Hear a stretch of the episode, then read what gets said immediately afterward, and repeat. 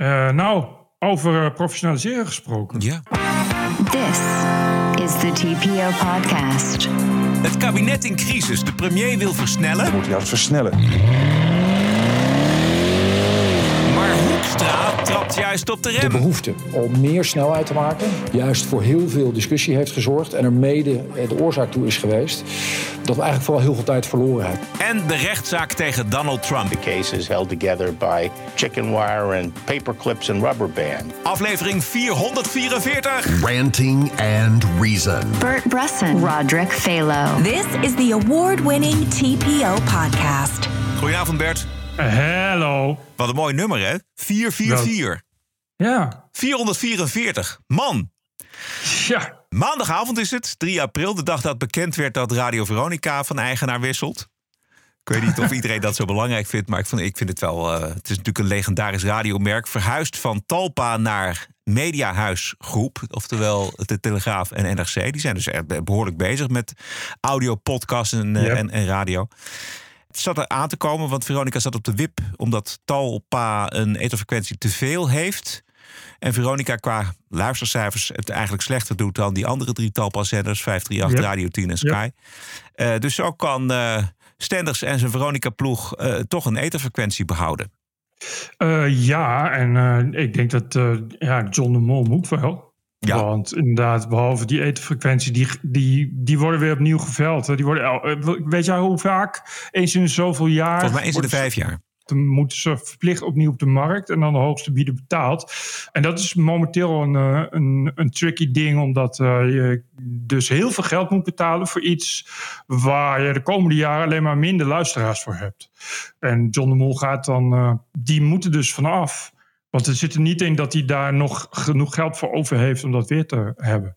Er is bepaald door de mededingingsraad dat er niet meer dan drie frequenties, etherfrequenties in Juist. handen mogen zijn van één en dezelfde speler. Dus ze- boel, of het nou meer of, of veel of weinig luisteraars oplevert, hij mag het gewoon niet hebben.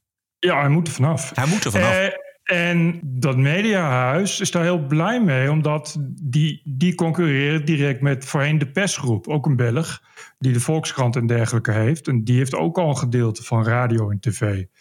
Dus die mediahuis wil inderdaad net als voorheen de persgroep uitbouwen in zo groot mogelijke mediaportefeuille. Ja.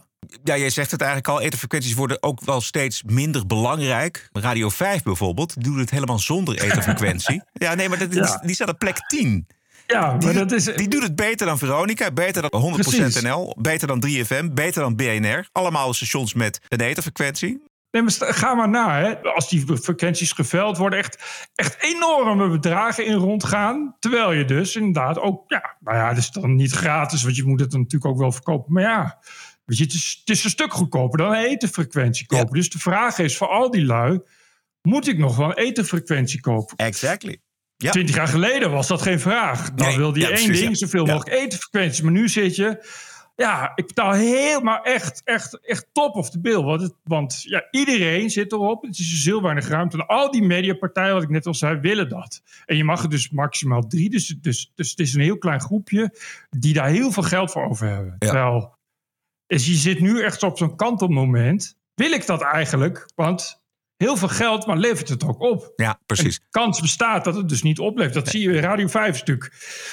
Wat zenden die uit eigenlijk, Radio Ja, 5? dat is een beetje een, nostalgische zender. Die we met eh, Oh, ja. zeg maar evergreens en gewoon lekkere, gezellige muziek. Bart van Leeuwen zit daar. Oude Simone Walraven zit daar. eh, Daniel Dekker. Het zijn gewoon. Ja, het, Ja, is, precies. Het, is, het, het luistert gewoon lekker. Het zit goed in elkaar, moet ik zeggen. Dus als je zin hebt in wat eh, herkenbare tunes, dan. eh, en ik, ik heb, ben laatst naar Duitsland gereden. En ik, ik kan, je kan dan natuurlijk via de app kun je gewoon eh, in heel Europa, wat zeg ik, in de hele wereld, kun je gewoon Radio 5 ontvangen. In Ja. de auto, no problem. En het is natuurlijk verrassend. Maar ja, kijk, het is wel zo dat eh, eh, Radio 5, die namen die je net noemt... de- de- het radiopubliek, ook het digitale radiopubliek... is natuurlijk vergrijsd. En dit zijn allemaal klinkende namen... waar je je hele leven al naar hebt geluisterd. Ja. Naar eh, radio, eh, of eh, arbeidsvitamine en, en Frits Spits, weet ik veel wat, ik noem maar wat. Weet je, de, de, de, de, de dingen waar je als bejaarde vroeger groot mee werd in je auto. dat, dan blijf je dat luisteren. Bejaarden. Hey, Ja, Bejaarden. jij bent toch, oh, jij bent toch ouder dan 55, of Ja, niet? maar dan ben je toch niet bejaard, man? Ja, wel. Officieel wel, vol, toch? Volgens mij al. Echt, dan, kom jij, dan word je ook dan word jij wel heel snel bejaard, word je dan. Ja, I know. Jezus, Man, ik sta met één voet in het graf. Hoe dan ook, eh, ja, die, die, die etenfrequentiesecte is dus een dingetje. Het is altijd een enorm, enorm om te genieten, vind ik. Wat- Hoe bedoel je dat? Nou, het is altijd dus afwachten wie wat kwijt wil ja, en wie, wie wat gaat proberen elkaar te overtroeven. Want eh, wat je dus krijgt is dat mensen heel veel bieden. En als je dan eh, dus mensen daar weer overheen gaan bieden... dat is natuurlijk het grappige van een veiling. En er gaan echt enorme bedragen in rond. Ja. Dat is altijd, Ja. altijd spectaculair om dat zo'n beetje te volgen. Ja. Omdat het inderdaad elke vijf jaar... wordt het hele circus opnieuw eh, afgedraaid... en komt het allemaal weer bij een ander terecht. En je weet natuurlijk ook nieuwe eigenaar, nieuwe mensen, veranderingen in programmering, veranderingen in vorm. Ja, altijd- daar, daar, is- daar is Stenders natuurlijk ook bang voor. Dat, de- nu Ja, heeft hij, alle, hij heeft alle vrijheid gekregen van eh, John de Mol. Heeft hij ook bedongen. En dat zit allemaal vast in, in contract en zo. Dus hij kan doen met het station wat hij wil. Dat vertrouwen heeft hij ook.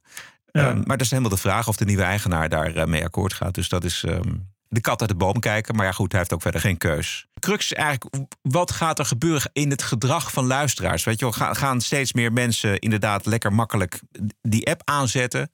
Of blijven mensen eh, de ether gebruiken? Ik ja, ja, kijk, mensen blijven de eten gebruiken. eh, twee groepen. De, dus, dus de bejaarden, die, die, maar die sterven dus uit. Dus de echte radioluisteraars. Hè, want Ja. er is nu natuurlijk niemand van twintig die zegt... goh, ik ga eens even lekker de radio aanzetten. Eh, en, en de autogebruiker, en Ja. de automobilist... Die, wil, wil, die luistert eten. Maar ja, die eten gaat er op een dag uit. Weet je, op een dag zeggen al die partijen... ja, we hebben geen zin meer in eten, want het levert te weinig op. Ja. En dan is het een beetje de vraag of mensen de weg naar digitaal gaan vinden. Maar ik moet zeggen dat het me eh, verrast dat Radio 5 echt zo hoog scoort al. Ja. Goed, Veronica gaat door. Veronica gaat door. Yeah! Veronica. Veronica. The award winning TPO podcast. Morgen dinsdag eindelijk het debat over de verkiezingsuitslag en hoe het kabinet daarop gaat acteren. Persconferentie van vrijdag, afgelopen vrijdag, eh, gaf nog geen enkele duidelijkheid prijs. Die persconferentie was een warboel waar werkelijk niemand nog wijs uit kon worden. Rutte kondigde zowel een pauze aan als een versnelling van het stikstofbeleid. Oké, nou goed, laten we dan nog één keer luisteren of het überhaupt te begrijpen valt. We moeten juist versnellen met het reduceren van stikstof. Niettemin zijn er in het kabinet natuurlijk verschillende opvattingen over de aanpak van stikstof. En die zijn zodanig dat het CDA heeft gezegd: wij willen opnieuw praten, onderhandelen over die stikstofafspraken. Maar dat willen wij doen, hebben zij gezegd, als er meer bekend is, duidelijkheid is. Hè, dus nadat de colleges gevormd zijn in de staat, zodat je ook weet wat staat er in de collegeprogramma's. ja, ja. Als we ook veel meer weten eh, na het zoveel mogelijk afsluiten van het landbouwakkoord. En ook alle regelingen die op dit moment in voorbereiding zijn voor boeren. Als we daar meer over weten, dan willen zij opnieuw praten, opnieuw onderhandelen over die stikstofafspraken. Dat zal dus niet de komende weken Nee, zijn. Dat zal, als ik zo naar het CDA luister, eerder later zijn. Wellicht wel voor de zomer. Maar op het moment dat zij dat willen. eh, en uiteraard, als een partij vraagt om heropening van het regeerakkoord, kan dat altijd, het coalitieakkoord. Of dat lukt, weet je natuurlijk niet. Dat is dan afhankelijk van die gesprekken, maar een partij kan daar eh, om vragen. Dus, wachten op het CDA. Wachten op de provinciebesturen. Het landbouwakkoord. De regelingen voor boeren. En mogelijk nieuwe onderhandelingen bij het mogelijk openbreken van het coalitieakkoord. En versnellen met het reduceren van stikstof. Dus wachten en versnellen. Ja, we gaan nu eh, een pauze, eh, want we gaan versnellen. Ja, dus ik, zo rijdt hij waarschijnlijk ook auto, Rutte. Dus remmen en gas geven tegelijkertijd. Dat kost ongelooflijk veel benzine. En dat kost je je banden. Ja, en je komt ook nog eens een keer geen steek verder. Precies. Eh, ja, dat is toch wel eh, de, nieuwe bestuurscultuur ten voeten uit tot nu toe. Hè? Toch, dit kan toch Gas niet, geven Bert? en remmen en Ja, niet, precies, ja. niet verder vooruit komen. Hij zegt het echt Op versnellen. de kortere termijn voor nu eh, geen vertraging, in tegendeel. Juist versnellen. Ah, en, maar hij is, hij, het is ook, dit is ook echt Rutte, ik schuif het voor me uit. Eerst crisis. Oh, ik heb een oplossing. Weet je wat? Ik schuif het voor me uit.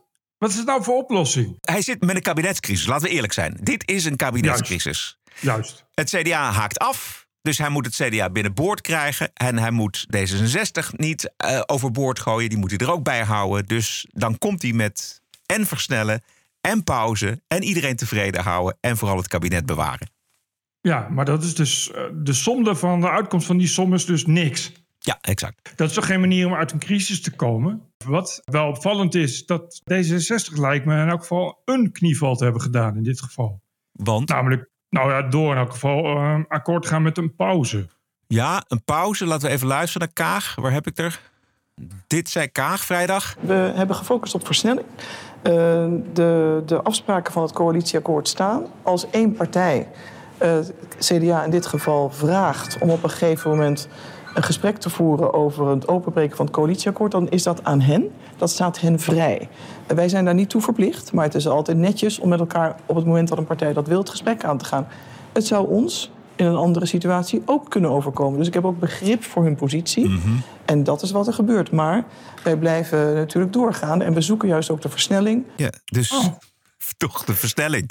Dit klinkt helemaal niet als een knieval. Nee, het enige knieval die, die, er, die ik wel hoor... is dat ze zegt, ja, het maakt je niet ongerust. Het CDA mag natuurlijk vragen om het openbreken van het coalitieakkoord. En, ja. en dan kunnen we erover praten. Maar ja, dat staat ons ook vrij bij een ander onderwerp. Dat klinkt, nou ja, in ieder geval collegiaal, laten we zeggen. Maar het wil niet zeggen dat ze daarmee akkoord gaat.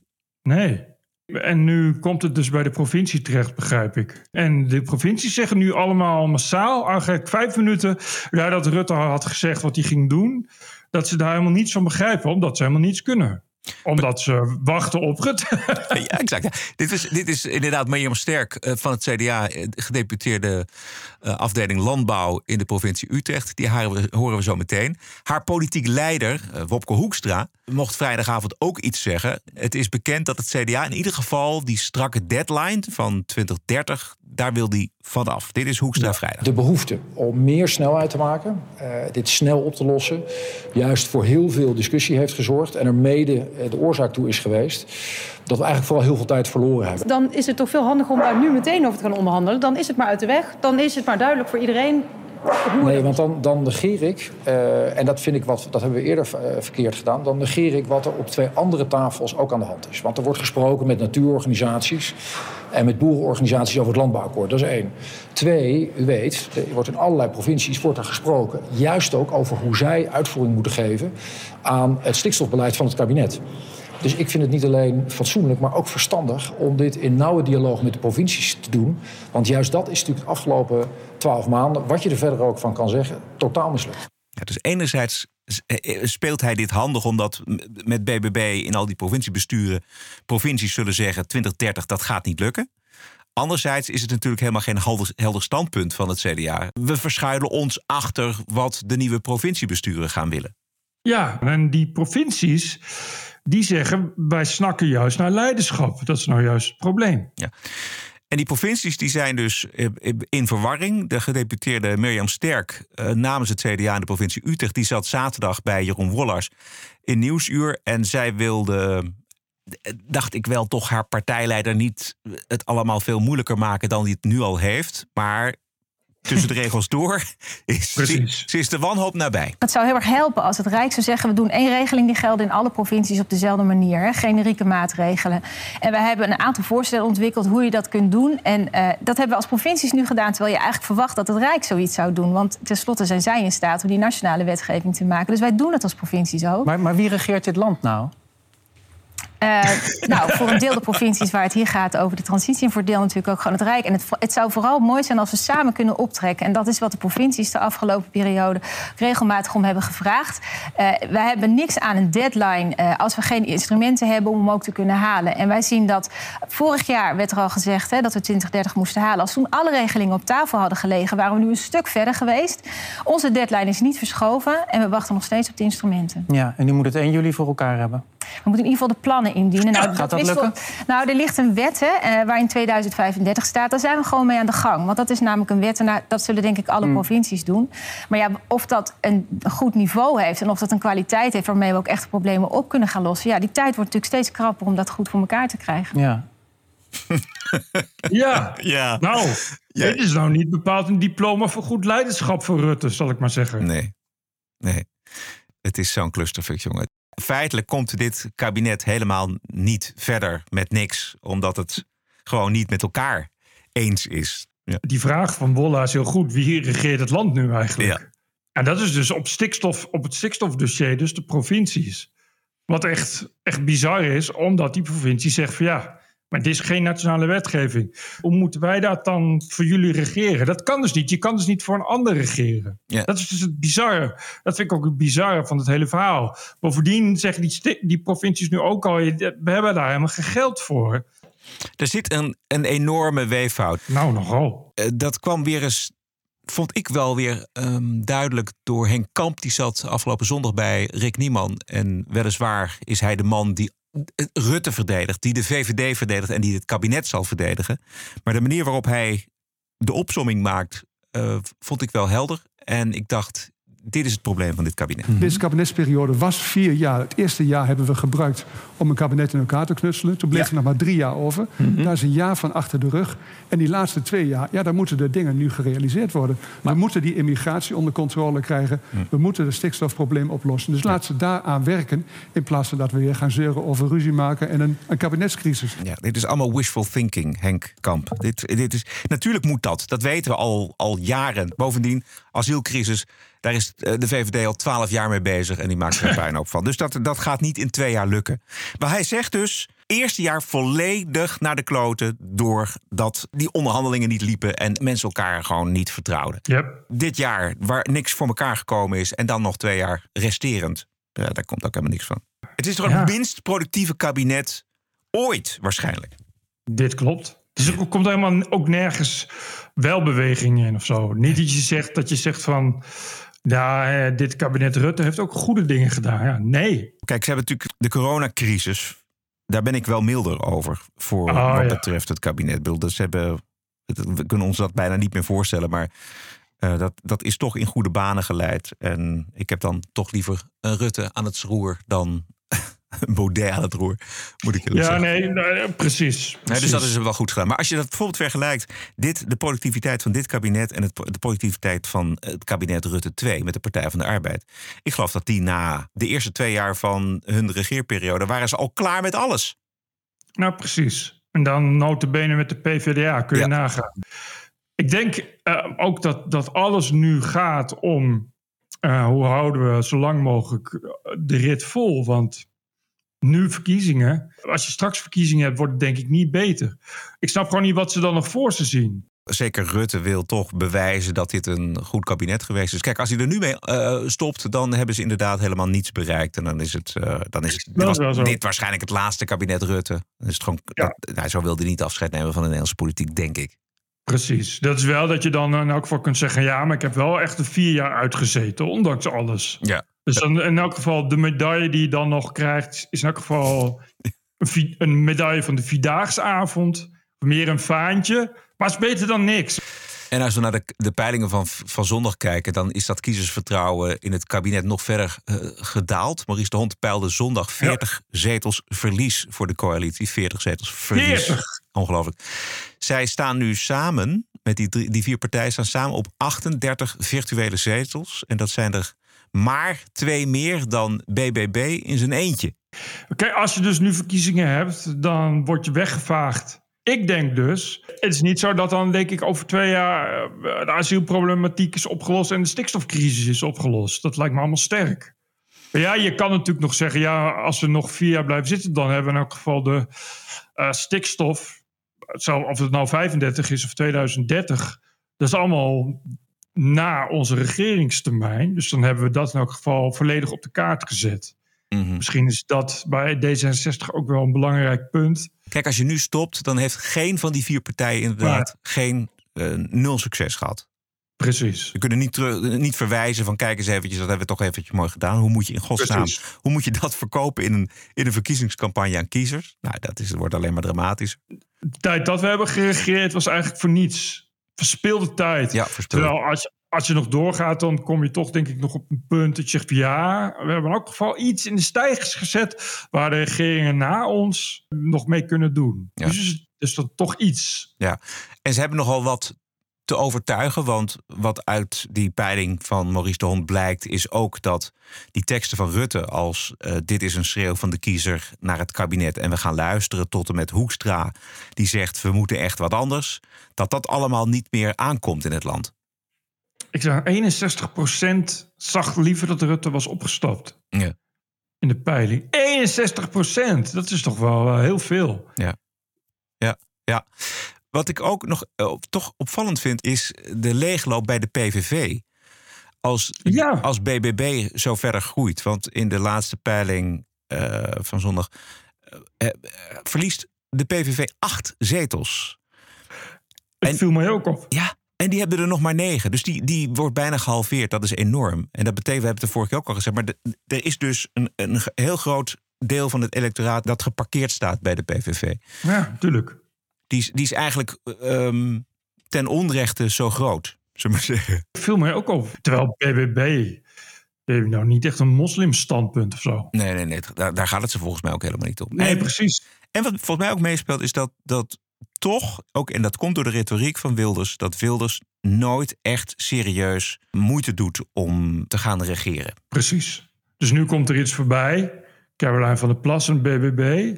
En dan denk je, nou, daar zit toch wel een kans in dat dat ook wat wordt. Ja. Dus dan is het toch een alle reden om over te stappen.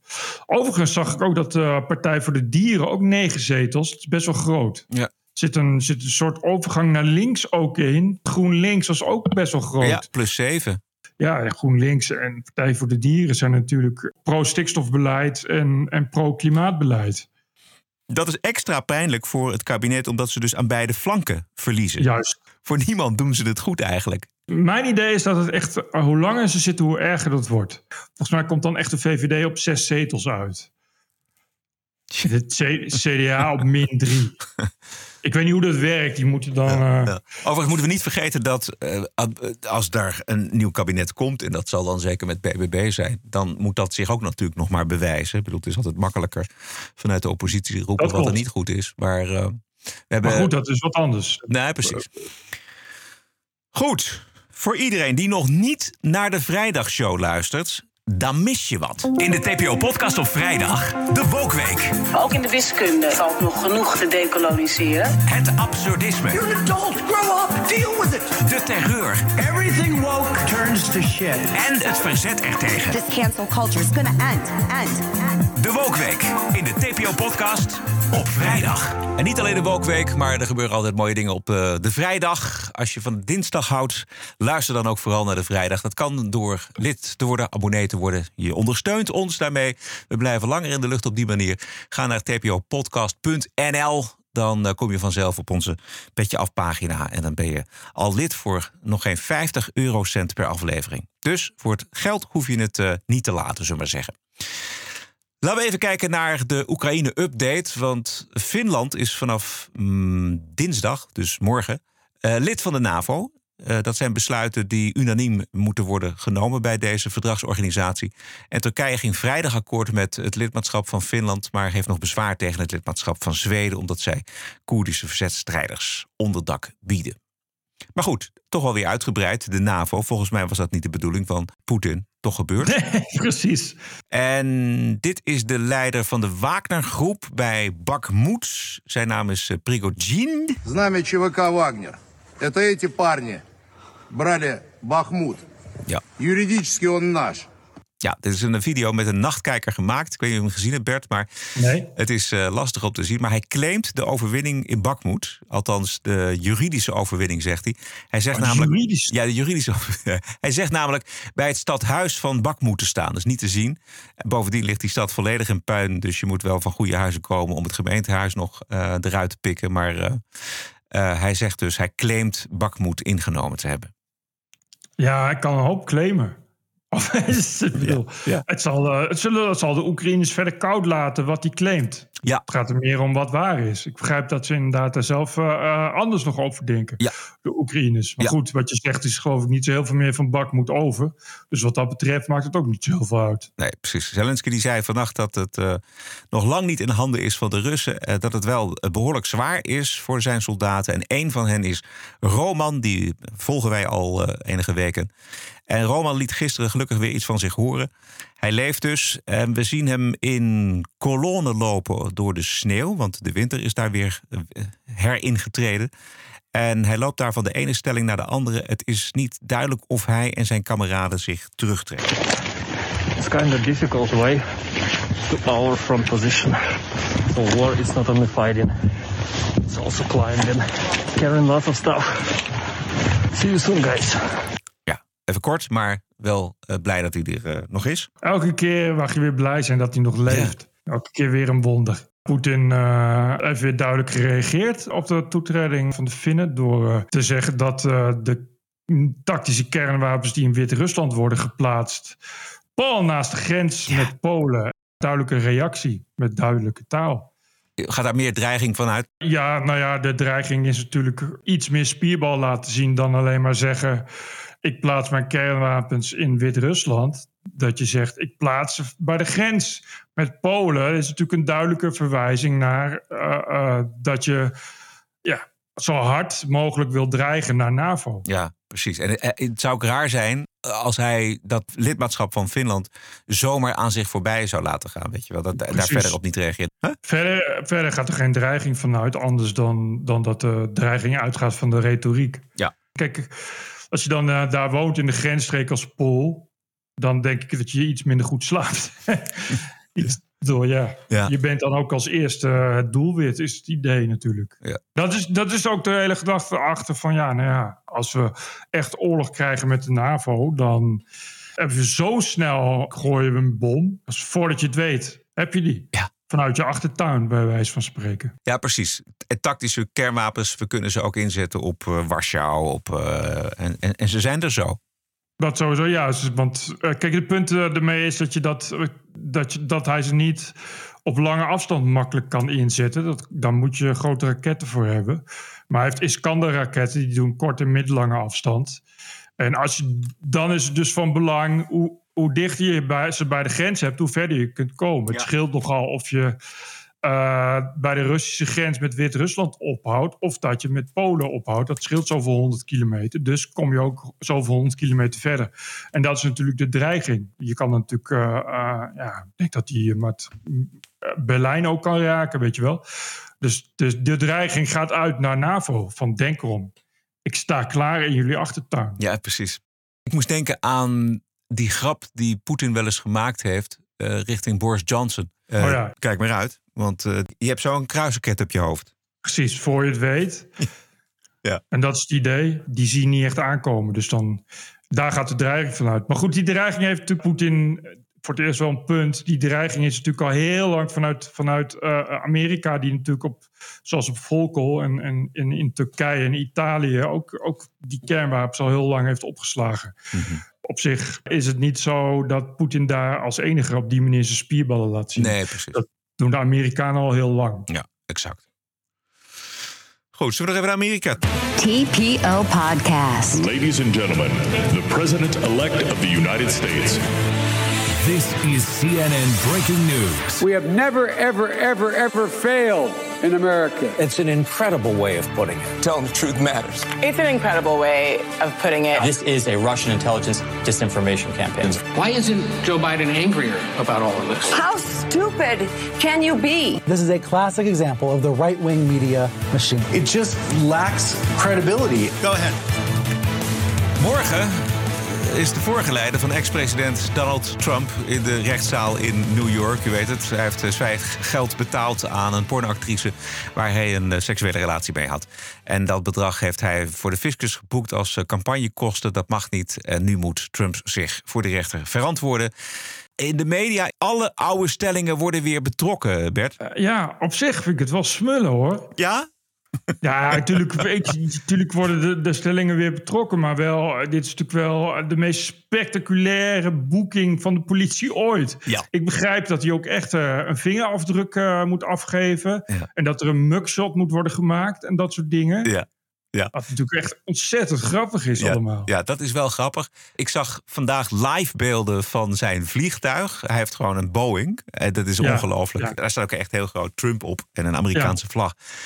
Ik wist dat hij rijk was, maar dit is echt gewoon met je eigen vliegtuig. Een gigantisch ding, man. Ja, ja, ja, dat is echt eh, een full-size Boeing is ja. het. ja.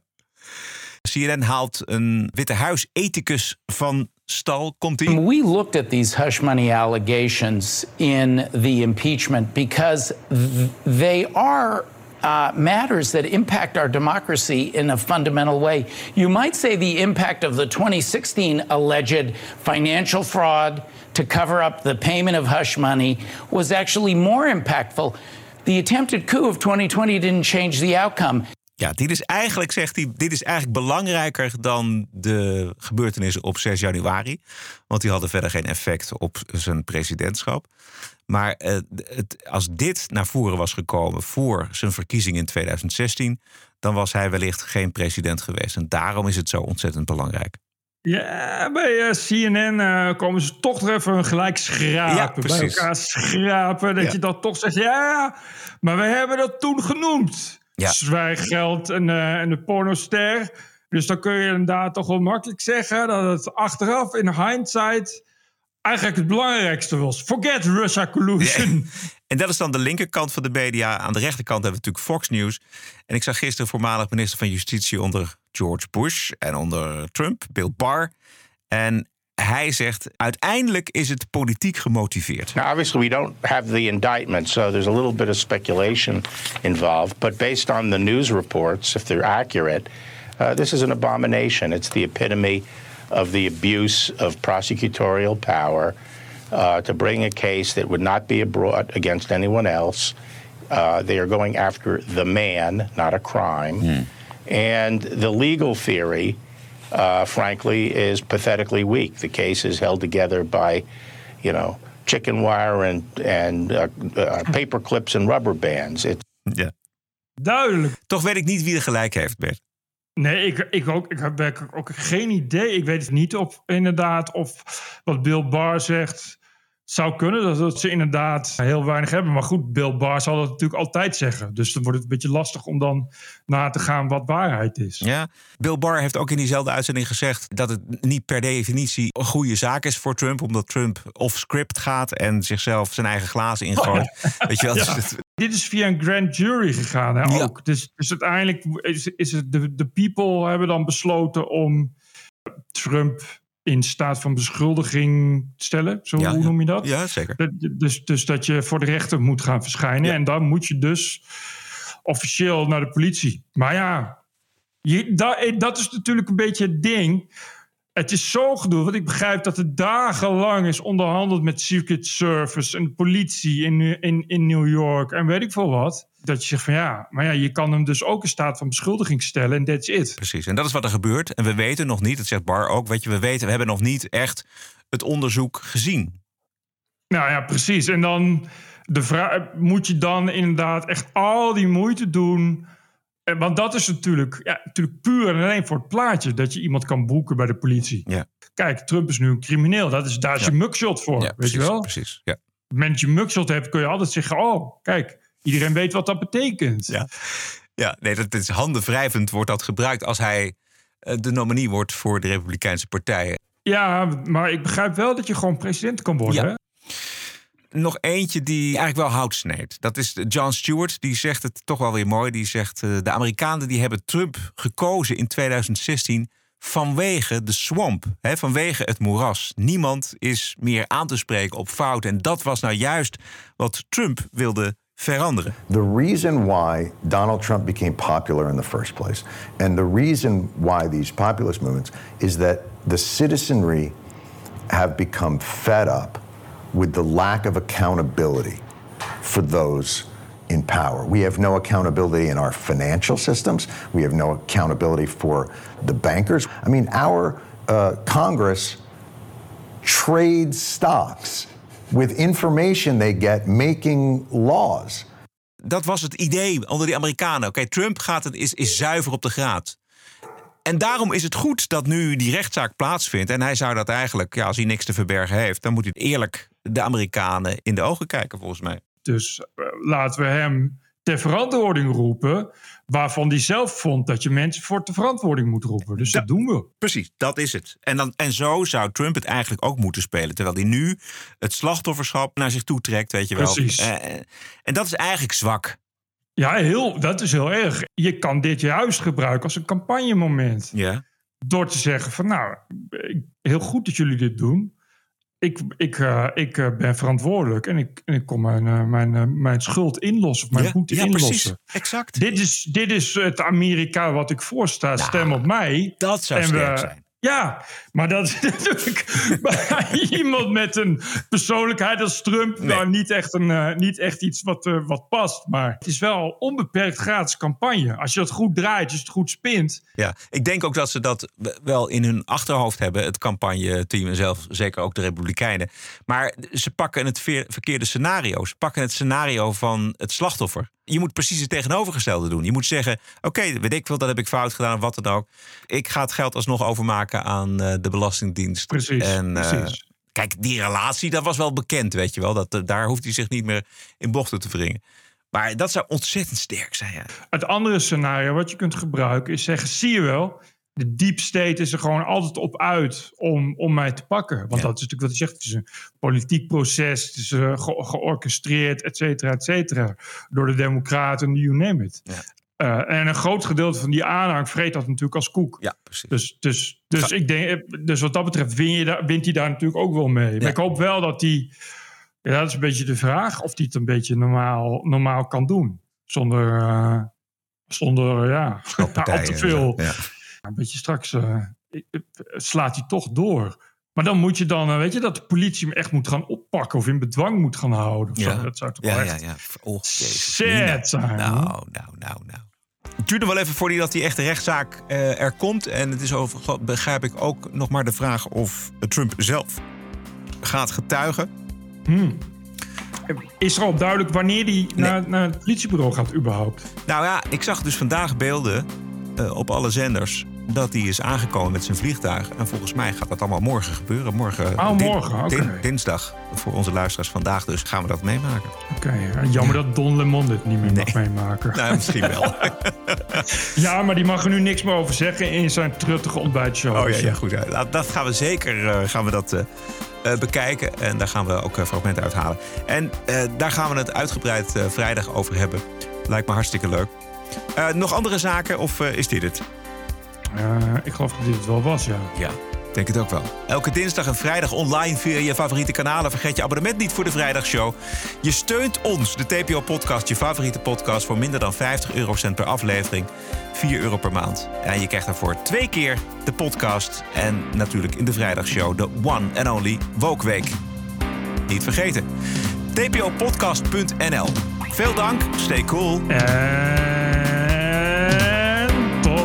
Tot vrijdag. TPO Podcast. Bert Bruson, Roderick Balo, Ranting and Reason. Melden! Podcasting is the TPO podcast in the Netherlands. Bert and Roderick. What a show. I'm telling you. Keep the show running. Go to tpo.nl slash podcast. Thank you.